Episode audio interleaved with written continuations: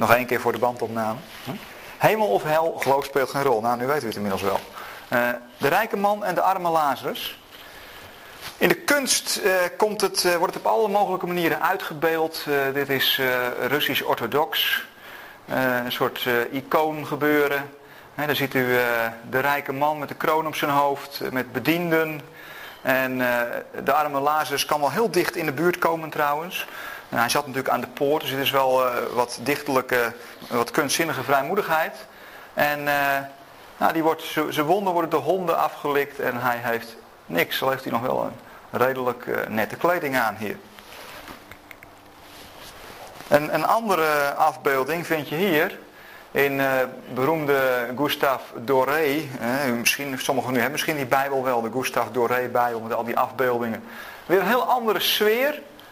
Uh, de arme man lijkt plotseling wat armer geworden. Ziet u dat? De arme Lazarus. En de rijke man, uh, ja, die kijkt erg nors en die stuurt hem weg. dus uh, dat is de kunst. We gaan het maar eens lezen. De, het verhaal, de gelijkenis, de geschiedenis, of hoe moet je het nou precies noemen, de satire. Nou, daar moeten we vanavond over nadenken. Wat is het nou eigenlijk? Hè? Wat is het nou eigenlijk? Lucas 16. Lucas is trouwens ook het enige evangelie waar uh, dit verhaal, zo noem ik het maar even, ik ga er even tussenin zitten. Uh, waar dit verhaal in voorkomt van de Heer Jezus. Over de, de rijke man en de arme Lazarus.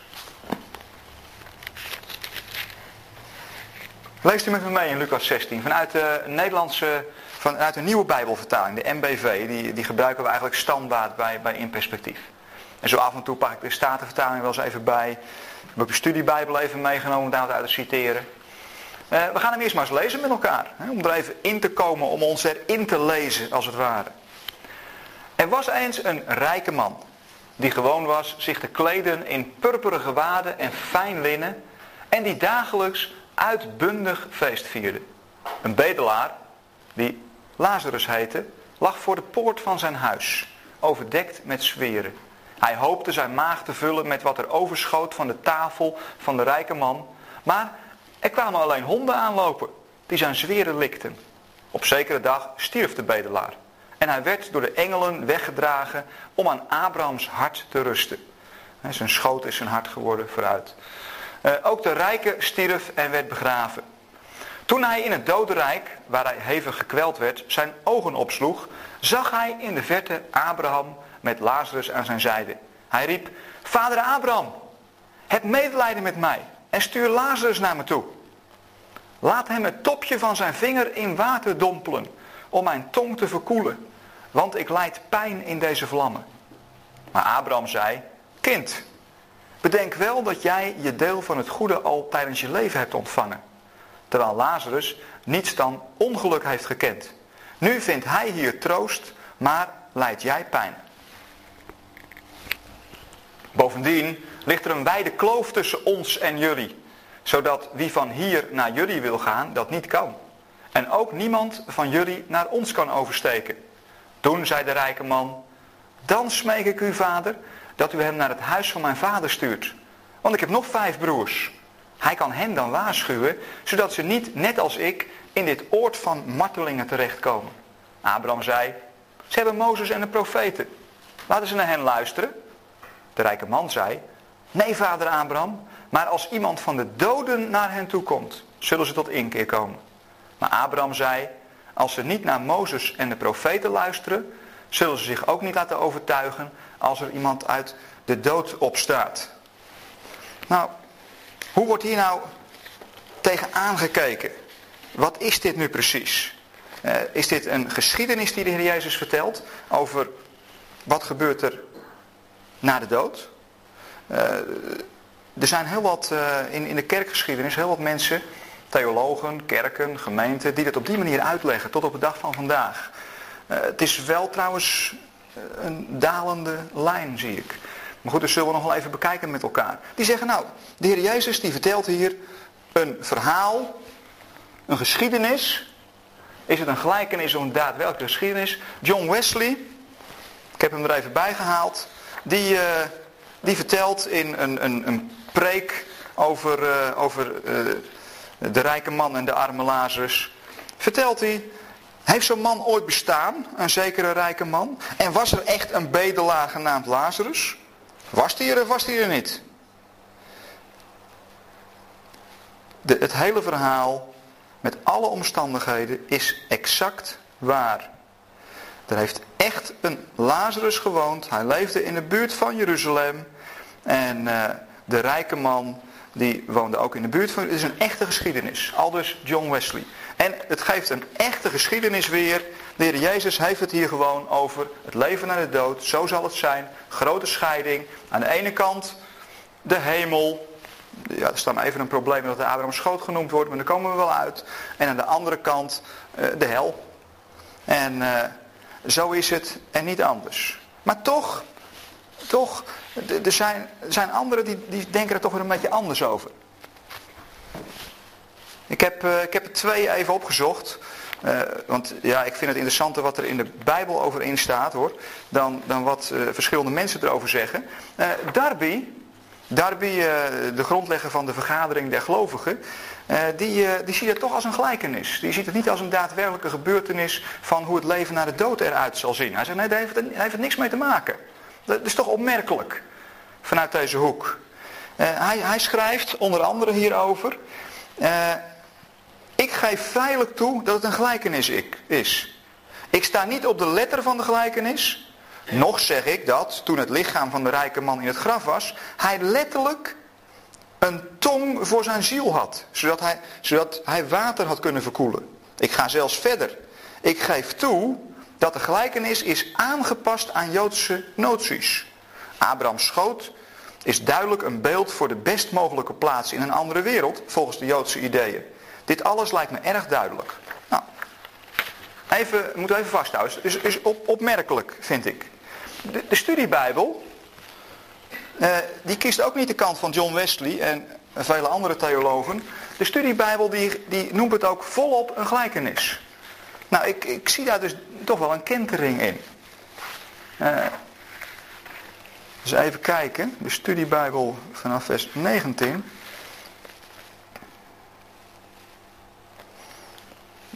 Dan geven ze als commentaar op, op, op vers 19. Nu volgt het verhaal van de rijke man en de arme Lazarus.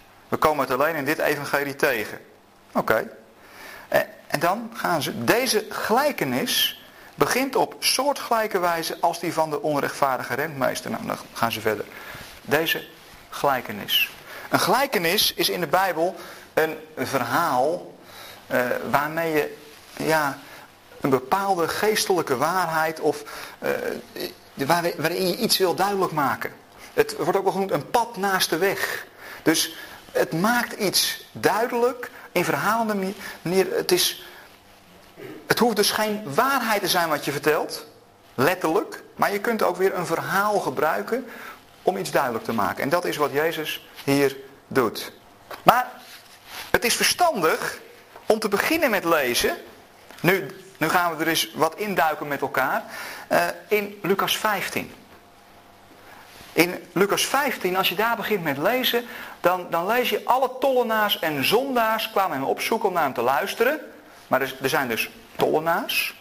Je zou kunnen zeggen in ons taalgebruik NSB'ers. Werkten voor de Romeinen, haalden belastinggeld op. Vroegen veel te veel, staken veel in hun eigen zak. Uh, werkten dus voor de bezetter waren niet de meest uh, geliefde personen. Om het maar zacht uit te drukken. Uh, tollenaars en zondaars. Uh, ja, Jezus had een fanclub en dat waren hoeren en tollenaars. dan had hij nog discipelen en dat waren vissers. Het was ook een beetje uitschot. apart, hè? Maar de fariseeën, die waren er ook in de schriftgeleerden. Maar die zaten daar met een andere houding. Die zaten daar met een hele kritische houding. Niks mis mee. Niks mis mee. Maar het was een negatief kritische houding. Je kunt ook een positief kritische houding hebben. Uh, en dat stimuleren wij zeer. Want we willen graag in discussie. De vonken mogen er vanaf vliegen. Maar als er geen helse discussie wordt, maar een hemelse discussie. Dan vliegen er hemelse vonken vanaf. En de fariseeën als de schriftgeleerden zeiden morrend tegen elkaar, die man ontvangt zondaars en eet met hen. Ja, dat is het ergste wat je kunt doen. Want eten met elkaar in de Oosterse traditie, dat is de meest intieme vorm van gemeenschap hebben met elkaar. Dan identificeer je je dus met die ander, als je eet met die ander. En, eh, en dat deed Jezus. Met zondaars en met tollenaars. Uh, ongehoord. En, en, dan komt het, hè? Er staat er in vers 3. Jezus vertelde hun, vertelde hun toen deze gelijkenis. Dat begint in Lucas 15. En dan gaat Jezus gaat een vijfvoudige gelijkenis vertellen. Het is een gelijkenis in vijf delen, wat hij dan gaat vertellen.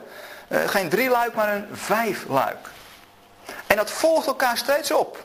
Tot en met de gelijkenis waar we vanavond verder over nagedenken aan toe.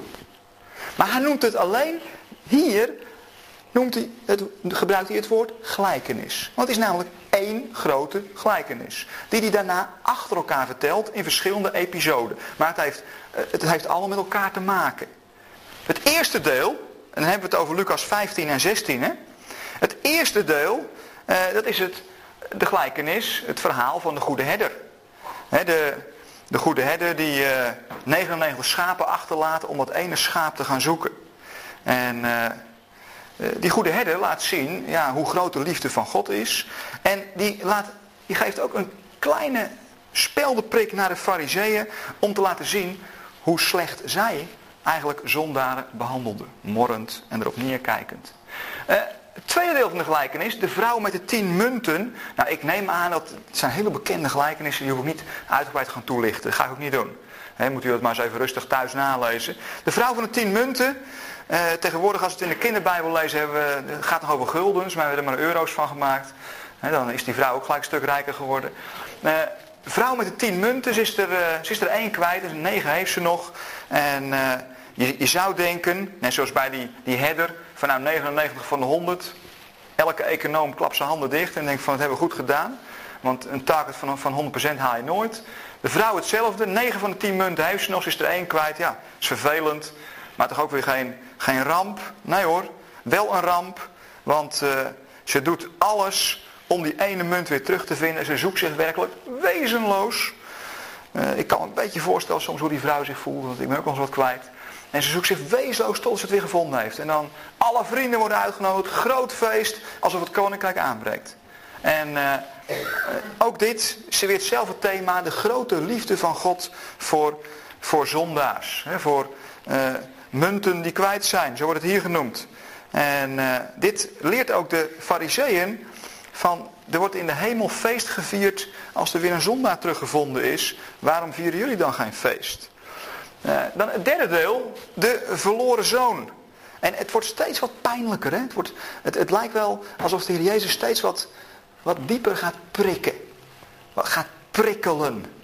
En je kunt je gewoon voorstellen, uh, als je daar zit als, als, als fariseer of schriftgeleerde, je hebt een bepaalde status en, en je stelt echt wat voor, uh, dat, dat je je steeds meer gaat irriteren.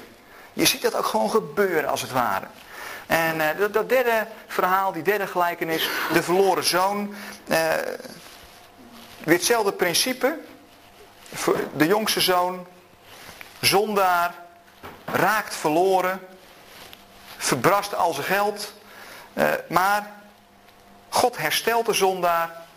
De, de, de verloren zoon die komt tot zichzelf. Hij keert terug naar zijn vader. En iedereen is blij, behalve de oudste zoon. Ja, we hadden wat nieuwe foto's van onze website nodig, dus, dus vandaar. Huh? Eh, iedereen blij, behalve de oudste zoon. En de oudste zoon die gaat, eh, die gaat morren. Nou, dit is natuurlijk al een wat duidelijkere prikkeling voor de fariseeën. Want, uh, ja, die waren toch een beetje die oudste zoon.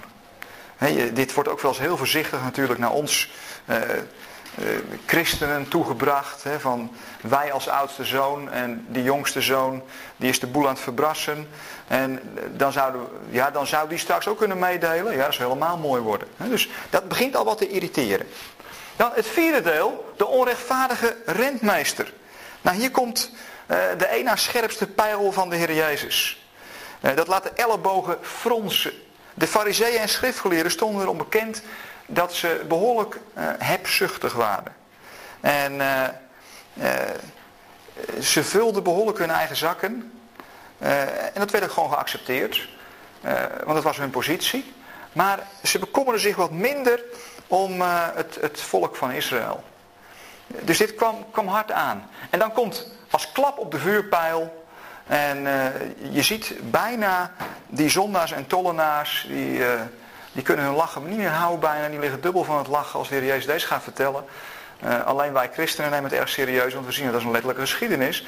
Maar de rijke man en de arme Lazarus. En dit is de pijnlijkste van allemaal. En eigenlijk zegt hij hier, hij, hij gaat die, die fariseeën gaat hij vergelijken met uh, de, de rijke man. Uh, dat, daar gaan we zo meteen eh, echt tot in detail op in. En hij zegt eigenlijk, ja, jullie mooi aangeklede hypocrieten, jullie zullen uiteindelijk dat koninkrijk missen. Uh, terwijl, hypocrieten, hè? hypocrieten. Zijn waren alle fariseeërs zo? Uh. Helemaal niet. Er waren zelfs later duizenden die tot in de Heer Jezus kwam. Denk bijvoorbeeld al aan Nicodemus. maar de Heer Jezus is hier heel zwart-wit. Is die trouwens in de evangelie bijna altijd. Nuance, het poldermodel is niks voor de Heer Jezus. Uh, dus, dus hij is heel scherp en heel zwart-wit. Uh, want hij zet dingen op zijn scherpst. Hij zet dingen op scherp. En dat doet hij hier ook. Hij zegt, jullie hypocrieten, jullie, uh, jullie voelen je wel zo rijk. Maar Jullie zullen uit het koninkrijk worden gegooid en het koninkrijk zal worden gegeven aan degene die fruit voortbrengen, waardig en eh, tot berouw. Tot, eh, net, net als die zondaar die op een gegeven moment daar staat en zegt, Heer, wees mij zondaar genadig. in het evangelie. En de fariseer die er ook staat en die zegt, Heere God, dank u wel dat u mij niet heeft geschapen zoals die zondaar daar. Nou, dat stelt de Heer Jezus hier keihard aan de kaak. Eh, in een soort satirisch verhaal. Een satirische gelijkenis. En uh, dat komt keihard aan. Ze kunnen de Heer Jezus daar ook niet letterlijk op pakken. Dat zullen we zo dan ook zien waarom niet. Nou, zelfs al voor deel 5 uit was, wisten de meeste luisteraars al lang wat dit was. Een uitgebreide serie van vijf gelijkenissen. De meeste luisteraars van toen. Ze wisten bijvoorbeeld dat dode mensen niet kunnen praten. Wel eens over nagedacht. Dode mensen die praten. Eh, nog gekker trouwens, hè. Eh, met een verbrande tong. Het moet toch wel lastig praten voor die rijke man. Zijn tong is verbrand. En, en hij wordt daar gemarteld en hij zit daar in dat vuur. En ondertussen begint hij een heel betoog af te steken. Hij beargumenteert en, en zo af en toe klaagt hij even dat hij het een beetje heet heeft en dat hij wat pijn heeft. Maar hij heeft de zaken toch aardig op een rijtje. Nou, je moet het er maar eens nadoen. Nou, liever niet hoor. Nou, als je kijkt naar bijvoorbeeld prediker 9, daar wordt wat verteld over de situatie van de doden. En dit, dit wisten alle Joodse hoorders natuurlijk. Die kenden de Bijbel op hun duimpje. Prediker hoofdstuk 9, en dat is eigenlijk niet het onderwerp, dus daarom uh, moet ik het, maar ik moet het wel even noemen. Prediker 9, daar zegt uh, Salomo, waarschijnlijk Salomo, vanaf vers 8, lees ik even. Daar staat, en dat past toch wel een beetje bij deze gelijkenis. Draag altijd vrolijke kleren. Kies een feestelijke geur. Geniet van het leven met de vrouw die je bemint. Geniet op alle dagen van je leven die God je heeft gegeven. Het bestaan is leeg en vluchtig. En je zwoegt en zwoegt onder de zon. Dus geniet op elke dag. Het is het loon dat God je heeft gegeven. Doe wat je hand te doen vindt. Doe het met volle inzet want er zijn geen daden en gedachten, geen kennis en geen wijsheid in het dodenrijk. Het dodenrijk, Sheol, of in het Nieuwe Testament Hades. En dat woord Hades wordt in deze gelijkenis ook met name genoemd. Eh, daar zijn geen gedachten, er zijn geen overleggingen. Daar ben je dood. Daar rust je.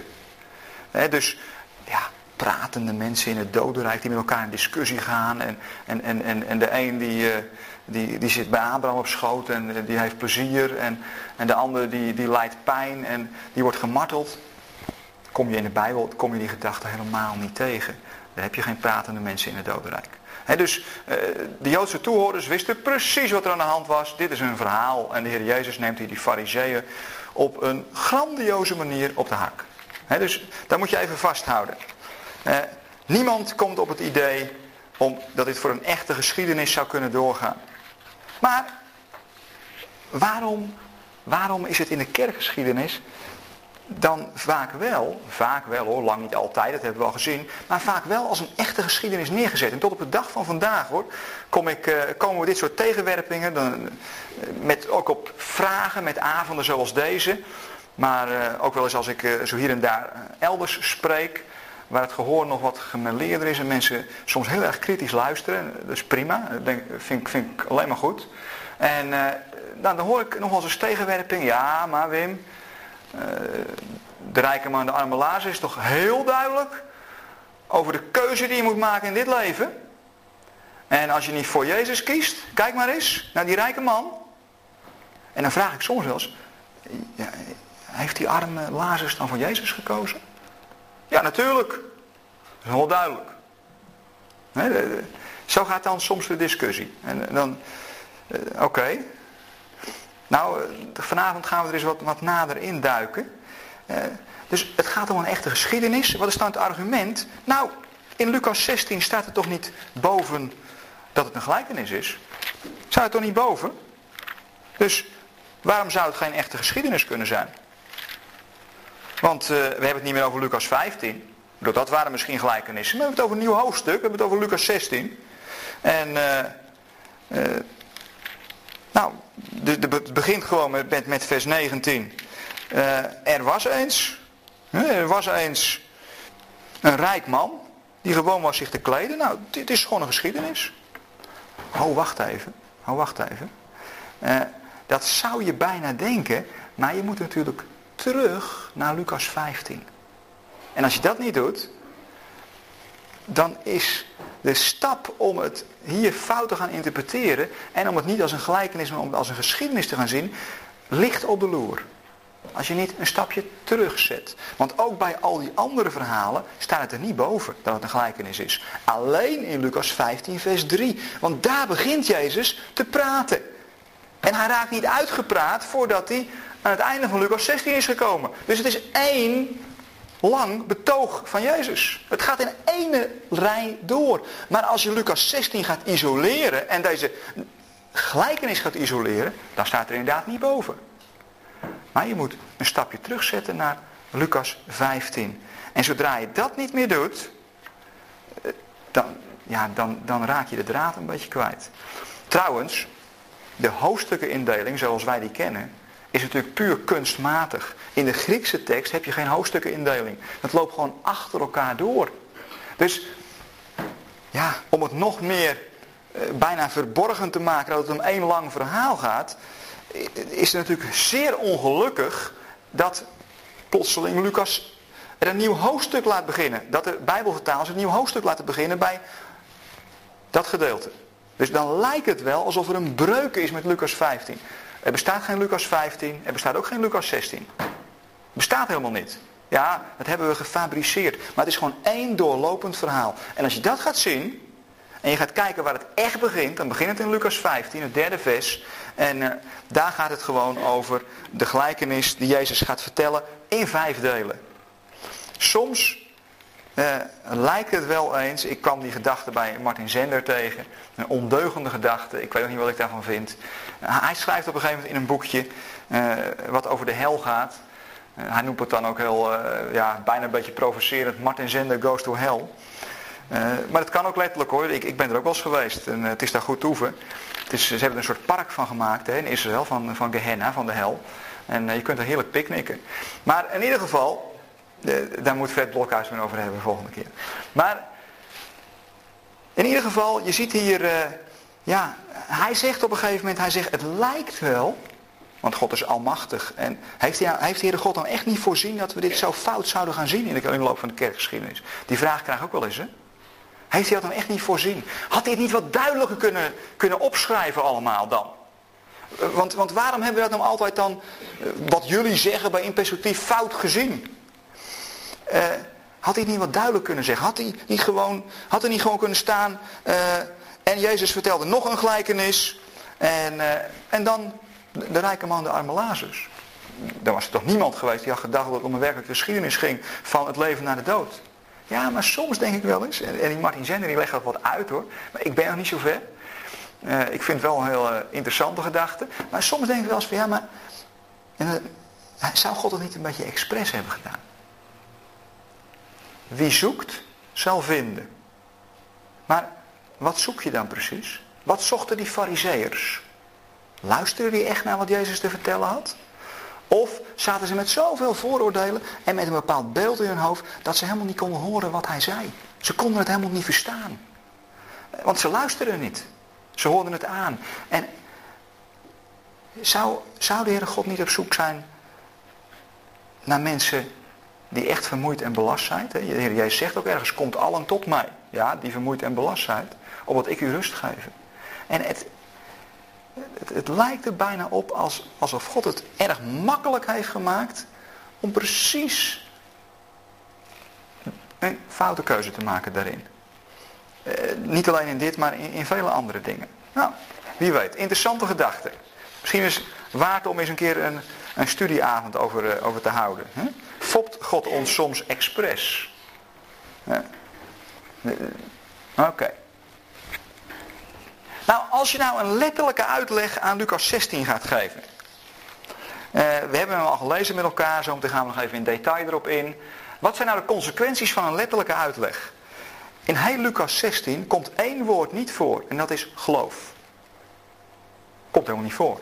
Er staat nergens dat de arme Lazarus een gelovige was. Er staat alleen dat hij arm was.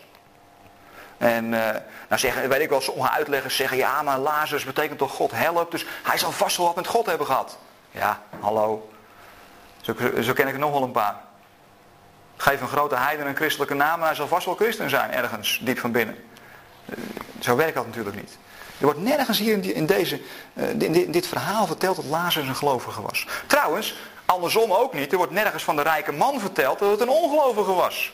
Dus geloof speelt in deze gelijkenis geen rol. Als het gaat over hemel en hel. In deze gelijkenis speelt geloof geen rol. Uh, het is misschien schokkend, maar ik vertel alleen maar zoals het in de gelijkenis staat. Dus als je de gelijkenis nou echt letterlijk zou nemen in een stuk christelijke theologie, dan krijg je de volgende consequenties, volgens mij. De, de, de gemiddelde christen moet er dan zo uitzien. Dit voorbeeld is na te volgen. Want als je er niet zo uitziet, zoals een bedelaar, dan mis je de hemel.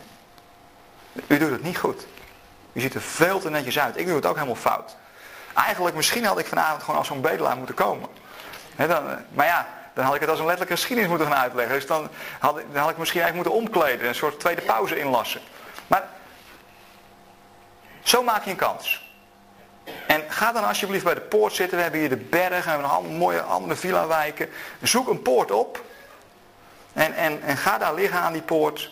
En uh, die uitkering nee, hoef je ook niet te hebben. Want uh, word je ziek, maakt niet uit. Ziekenbureau hebben we niet nodig, want die honden komen wel eens weer likken. Ja, of nou, katten hebben we meer, hè, van die loslopende zwerfkatten. Dus dat komt wel goed. Gewoon consequentie van letterlijke uitleg. Nog een andere consequentie van een letterlijke uitleg van deze gelijkenis. Je ziet dat mensen in de hemel kunnen communiceren met elkaar, de hemel en de hel, hè, zoals het dan wordt uitgelegd. Uh, de ene kant, dit is ook weer een kunst, een kunstenaar die het heeft uitgebeeld zo. Hè, de, de, derde en het vierde plaatje, je ziet, of het vierde plaatje met name, dan zie je Abraham en Abraham schoot, daar zijn, daar zijn ze erg ja, happy. ze lachen bijna. En ondertussen hebben ze uitzicht room with a view op wat er daar onder hun gebeurt in de hel. En daar is de duivel en zijn trawanten zijn daar bezig met iemand te pijnigen in het vuur. Moet je nou eens voorstellen, als je het letterlijk neemt, hè, dan, dan, dan, ben je daar in die hemel en dan, dan zeg je, verrek joh. Dat is, mijn zus daar. Ik zeg maar even een letterlijke consequentie. Tch, geef me eens even een colaatje. Ja, ze zijn er aan martelen zeg. Nou, nou. Poeh, hé. Nou, ik draai even om hoor, want uh, zo kan ik niet genieten. Het is gewoon een consequentie van deze gelijkenis als een letterlijke geschiedenis nemen. Misschien zou dat, mochten we, of we moeten wel verschrikkelijke egoïsten geworden zijn. En al de liefde die we nu hebben voor mensen die niet hetzelfde geloven als wij, moet helemaal uit ons weggesneden zijn inmiddels. Maar anders kunnen we toch moeilijk erg veel plezier hebben in de hemel. Als je dat tafereel voortdurend voor je ziet. En, en ze gaan nog met je in discussie ook. Dan zegt opeens je zoon, Pa, mag ik een beetje water? En jij zegt, nee zoon, nee, ik zit aan de port, maar uh, ik heb geen water voor jou. Had je maar niet zo stom moeten zijn. Je eigen schuld. Had je maar een slechtere baan moeten nemen. Oh, dat was die eerste consequentie. Dus, eh, je komt toch in wat problematisch vaarwater als je dit als een letterlijke geschiedenis gaat opvatten. Uh, gewoon doorredeneren. Nou, we gaan eens voorzichtig eens wat, wat kijken naar, naar een aantal versen van, van deze gelijkenis. Begint in vers 19. Er was eens een rijke man die gewoon was zich te kleden in purperen gewaden en fijn linnen en die dagelijks uitbundig feest vierde. Nou ja, ik bedoel, prediker 9, toch? We hebben net gelezen. Hij was gewoon blij. Nou, het was eigenlijk een soort satire die de Heer Jezus hier neerzet. Eh, en dat eh, een zeker rijk mens. Het zou wel eens kunnen dat de Heer Jezus het hier heeft over de aristocratische, leidende klasse in Israël. Uh, Israël was geen democratie, het was een aristocratie. En daarboven, de toplaag van de samenleving, bestond uit fariseeën, uit sadduceeën. De sadduceeën, dat waren de priesters in de tempel. En, uh, en, en schriftgeleerden. En als je dan kijkt naar het woord rijk, zoals het hier staat, dan, dan gaat het niet uitsluitend om degene die veel geld hebben. Maar het gaat ook over uh, een bepaalde klasse mensen. En uh, die kloof tussen rijk en arm was in Israël zeer scherp. En in die rijke bovenlaag, die machtige bovenlaag, die, uh, ja, er was een, een, echt een kloof tussen die twee groepen en die was niet te overbruggen. Trouwens, de rijken in Israël stonden ook niet toe dat die kloof werd overbrugd. En gekleed in purperen gewaden en fijn linnen. Nou, purper, beschrijft de stof die over het algemeen in Israël door koningen werd gedragen. En uh, de Heer Jezus bijvoorbeeld in, in Johannes 19, uh, het tweede vers voor de meelezers, die, die, toen hij bespot werd, toen kreeg hij ook purper om. Want hij, hij noemde zich tot de koning der Joden, nou doe er maar purper om. dus purper dat is een koninklijk gewaad. En, uh, en, en, en linnen, linnen dat is een priesterlijk gewaad. Dus de Heer Jezus die heeft het hier op een satirische manier over de leidende klasse in Israël, de aristocratische klasse uh, en de priesters. Uh, en die aristocratische klasse die, die, ja, die had uh, de autoriteit toegeëigend. Maar, maar ze waren tyranniek en ze onderdrukten het volk. Ze regeerde niet in de vrezen des Heren, zoals ze in sommige kringen zouden zeggen. dat fijne linnen, gewaad van de priesters. En uh, uh, die priesters, die, die schriftgeleerden en, Moze, uh, en, en, en, en Sadduceeën, die waren eigenlijk op de stoel van Mozes gaan zitten. En dat vind je onder andere terug. Even kijken. In, in Matthäus 23, waar de Heer Jezus ook al een hele felle reden houdt. letterlijk, ik bedoel, heel concrete reden tegen de, tegen de fariseeën en de schriftgeleerden. Matthäus 23, het eerste vers. Uh, daarna richtte Jezus zich tot de menigte en tot zijn leerlingen en zei... De schriftgeleerden en de fariseeën, denk aan het fijne linnen van die rijke man, priesters, hebben plaatsgenomen op de stoel van Mozes. Houd je dus aan alles wat ze zeggen en handel daarna, maar handel niet naar hun daden, want ze doen zelf niet wat ze jullie voorhouden. Dat is nou uh, de pijl die Jezus hier afschiet in deze gelijkenis. Ze doen zelf niet wat ze jullie voorhouden. Uh, ze leven alle dagen vrolijk en prachtig. dit duidt ook op de grootste manier van leven. Uh, ondanks de Romeinse overheersing, ondanks de vele armoede die er was, namen ze het er goed van. Heb je een bedelaar die Lazarus heette. En die lag voor de poort van zijn huis, overdekt met zweren. Hij hoopte zijn maag te vullen met wat er overschoot van de tafel van de rijke man. Maar er kwamen alleen honden aanlopen die zijn zweren uh, likten. Trouwens, die, die rijke man, nou daar komen we later op, die had ook vijf broers en daar is ook een heel verhaal achter. Maar daar komen we zo meteen wel op.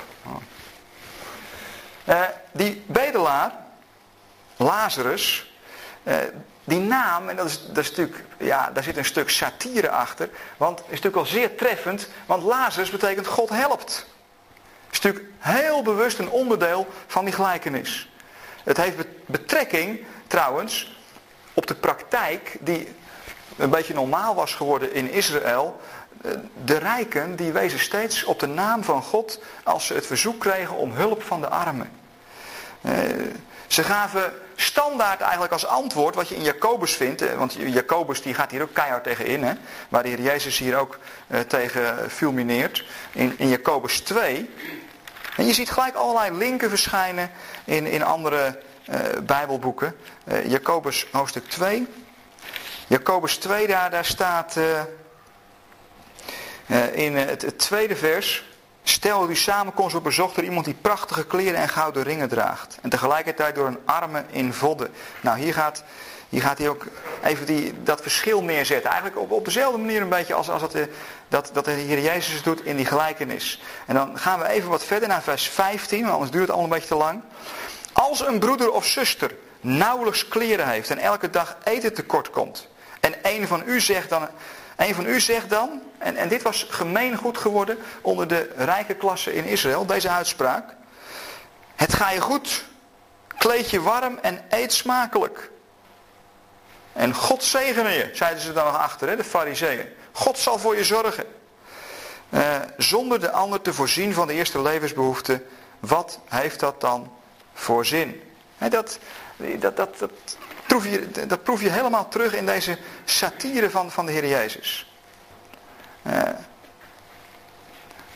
en die Lazarus, God helpt, die, uh, die ligt overdekt met zweren.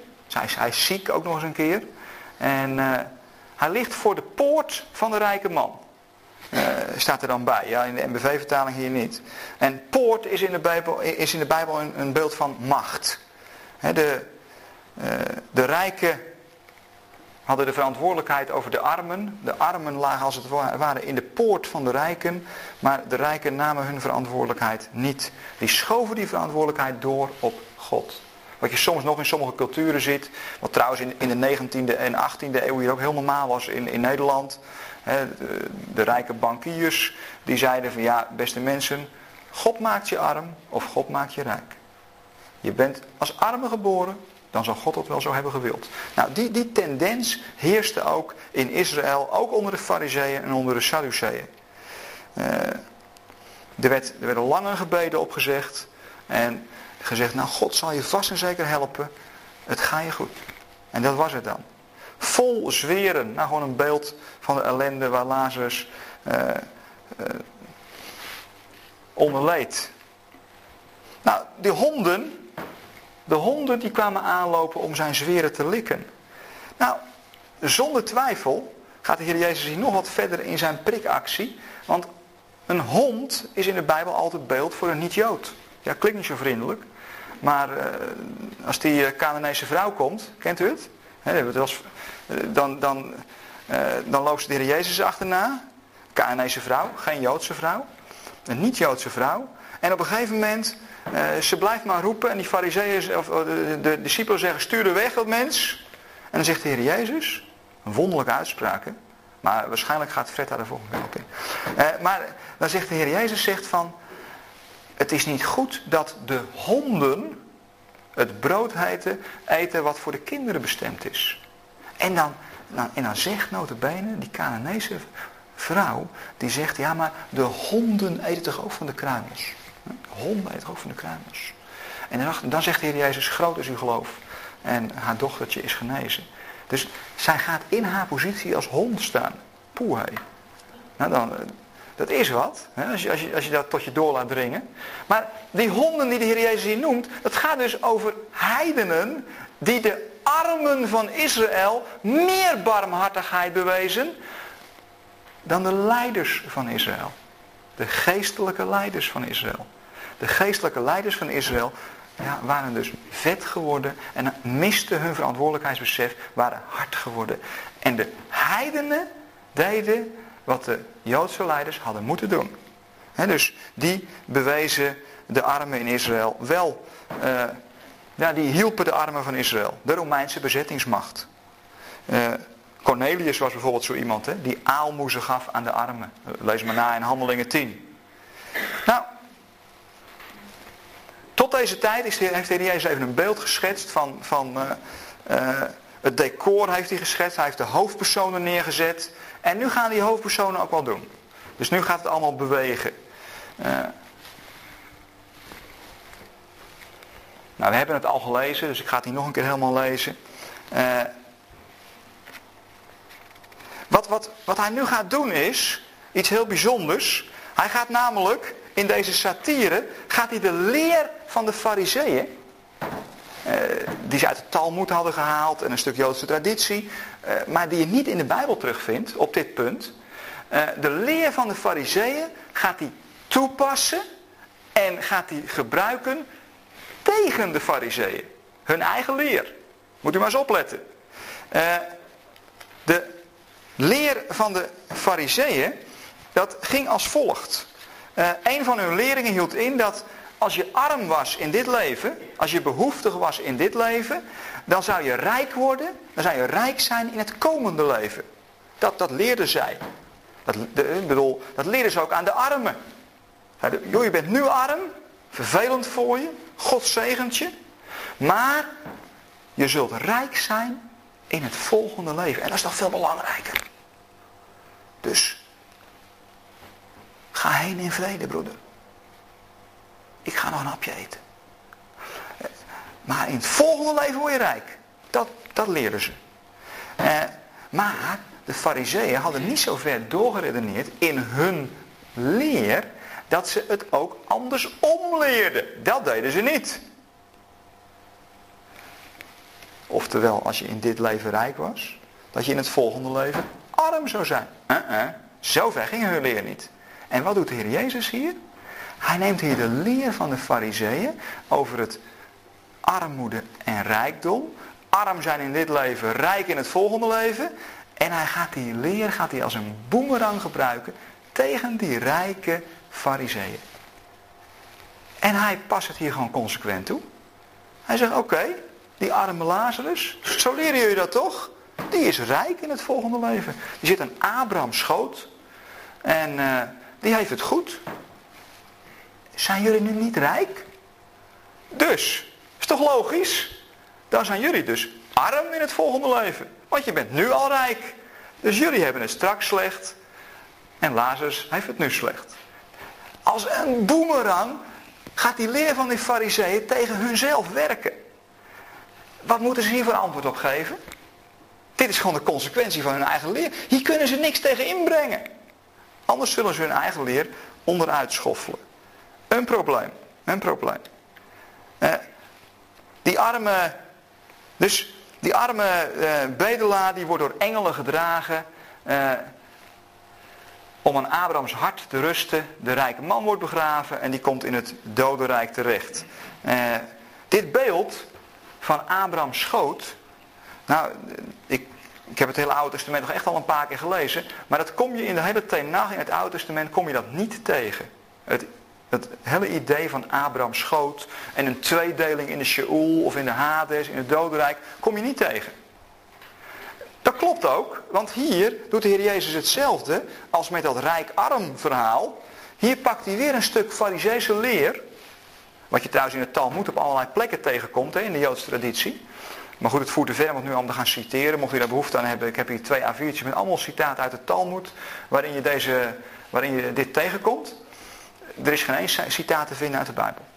Eh, Maar hij neemt de leer van de fariseeën, van een stuk Joodse traditie, van Abraham schoot en uh, een, een, die tweedeling, die, die, die, die leer die neemt hij over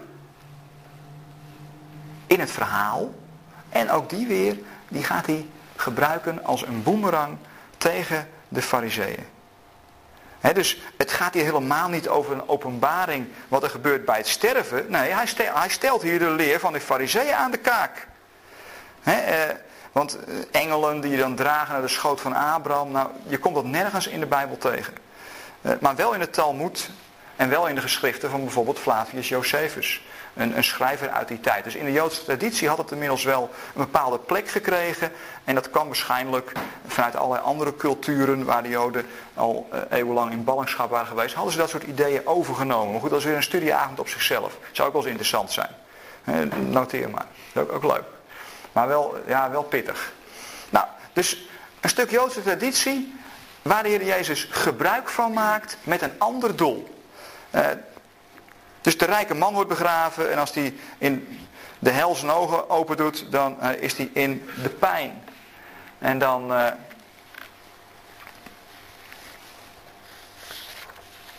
en dan roept die vader Abraham, ontferm je. En dan, want ik leid smarten in deze pijn.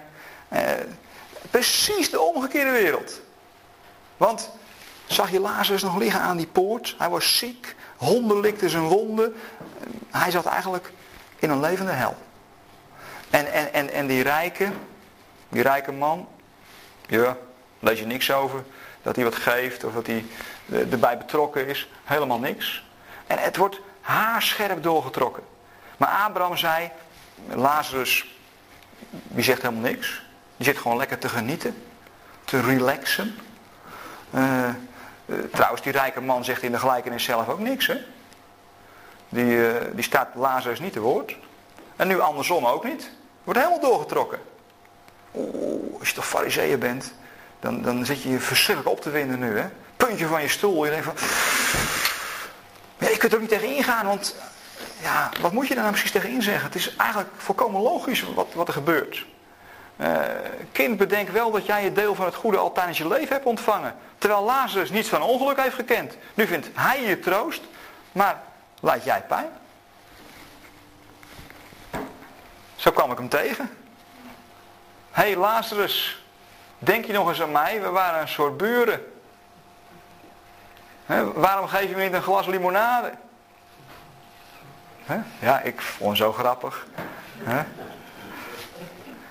Ja, en, en, dan moeten we gaan bedenken dat dit een werkelijke geschiedenis zou zijn. Natuurlijk niet. Het is satire van de bovenste plank. Ik, ik, denk dat ja, die zondaars en tollenaars, die hebben dit plaatje een beetje voor zich gezien, denk ik.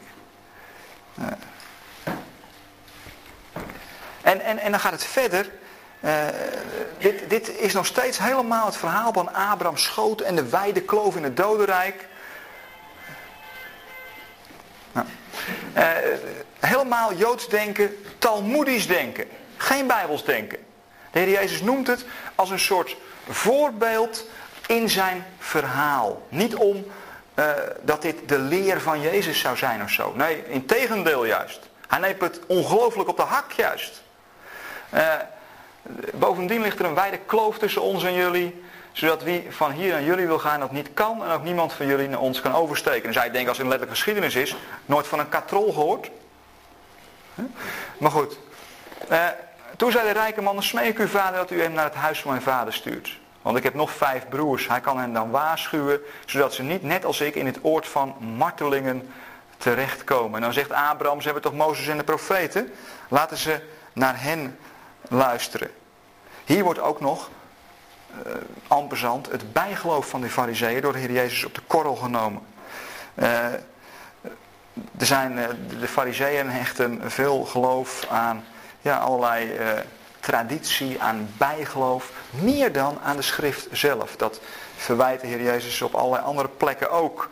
en ze zullen wel geloof hechten aan een wonder, maar niet geloof hechten aan de schrift zelf. En dan ja, komt de, uh, ja, dat is nog wel even goed om daarnaar te kijken. Want hoe zit het nou met die, met die vijf broers? En waarom worden die vijf broers nou genoemd? Nou, er wordt ook wel verteld, die rijke man uh, heeft te maken met Juda. Juda, uh, het, Joodse volk en dan vooral de, de leidende klasse, hè, daar, daar, hebben we het nu over, die, die, die voelde zichzelf verheven boven de rest. En waarom nou vijf broers? Waarom had die rijke man nou vijf broers? Nou, moet u eens lezen in Genesis 35. Genesis hoofdstuk 35. Vanaf vers 22.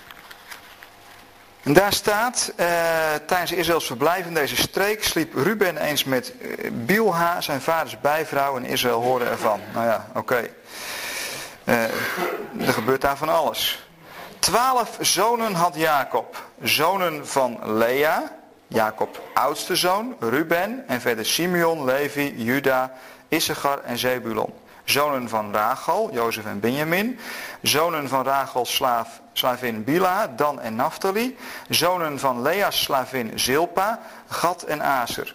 Dit waren de zonen van Jacob die hij in Paddan Aram kreeg. Uh, nou, Juda lezen we in dit gedeelte, had vijf broers. Juda had vijf broers. Moeten we even rustig nalezen. Juda had vijf broers. En uh, degene die dit de Heer Jezus 2000 jaar geleden hoorde vertellen, die hadden direct door dat Jezus hierop doelde. Op de vijf broers van Juda. De rijke man.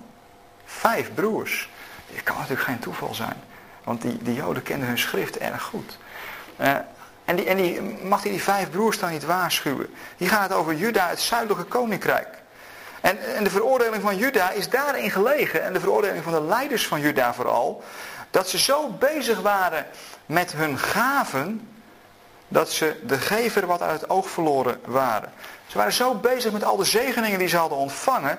Dat ze het bezit als hun, als hun recht waren gaan beschouwen. En met andere woorden, er was een enorme vorm van exclusiviteit was er gekomen. Uh, die exclusiviteit die je bijvoorbeeld ook terugvindt in openbaring 3. Hè? Want uh, in openbaring 3 vind je diezelfde exclusiviteit en hetzelfde oordeel over die exclusiviteit. Openbaring 3 aan de gemeente te Laodicea. Uh, openbaring 3 vers 17. nou, Eigenlijk hetzelfde als deze gelijkenis. Weer dezelfde boodschap spreekt eruit. U zegt dat u rijk bent. Dat u alles hebt wat u wilt. En niets meer nodig hebt. Dat is de rijke man. Dat is de rijke man. U beseft niet hoe ongelukkig u bent. Hoe armzalig, berooid, blind en naakt. Dat is de feitelijke situatie. En de Heer Jezus legt die feitelijke situatie bloot in deze satire. Waarin hij de lijn doortrekt. En hij zegt, dit is nou de werkelijke situatie waar jullie in verkeren. Maar je hebt het niet door, want je denkt dat je zo rijk bent. Maar eigenlijk ben je heel erg arm juist. En blind en naakt. Eigenlijk zijn jullie zelf die Lazarus. Eigenlijk zijn jullie dat zelf. Uh, en op, op deze manier, je moet je voorstellen als, als de Heer Jezus uh, ja, de enige mogelijkheid is. Want hoe kunnen de fariseeën op dit moment de discussie met Jezus aangaan? Nu die ze deze haarscherpe satire heeft voorgelegd. Niks, geen geschiedenis over het leven na de dood. Dat heeft helemaal niks mee te maken. Uh, het is een ontmaskering van hypocrisie. Het is een ontmaskering ja, van op een foute manier omgaan met de macht en de autoriteit die je gekregen hebt. En uh, hoe kun je nou ooit als fariseer op deze satire ingaan? Dat kan niet. Want het is haarscherp en je weet natuurlijk best wel dat hij gelijk heeft. Dus je kunt met argumenten kun je het niet van deze Jezus winnen met zo'n satire. Dus wat doen die eh, fariseeën? De enige mogelijkheid die ze nog zien is zich terugtrekken van het open slagveld. Je ziet hierna ook niet meer dat ze met hem in discussie gaan. Uh, dit, dit, is, dit, is, is een, een technische knock-out. Ze, ze, trekken zich terug van het openlijke slagveld en ze gaan, uh, ja, ze gaan via een omweg proberen hem het zwijgen op te leggen. En dat is ook tijdelijk gelukt. Uh, weet u, ik heb al heel veel negatieve dingen gezegd over fariseeën en schriftgeleerden. Omdat het in deze gelijkenis zit. Hè? Maar laten we eerlijk zijn, het zijn ook gewoon mensen zoals u en ik. En uh, ik bedoel, niks menselijks was hun vreemd. Maar ze zaten op dat moment, hadden, speelden ze een hele foute rol. En Ja, uh, velen van hen zullen, als je deze gelijkenis bekijkt, ook dat koninkrijk gaan missen. Is dat het einde van de fariseeën en schriftgeleerden? Nee, natuurlijk niet. Maar ze missen wel het koninkrijk. Is het dan meer dan het koninkrijk? Ja, er is veel meer dan het koninkrijk, maar dat is niet het onderwerp van vanavond. Uh, dit was de gelijkenis. Hier laten we het even bij. Gaan we even aan de koffie. En dan uh, na de uh, koffiebreak heeft u nog alle gelegenheid om vragen te stellen.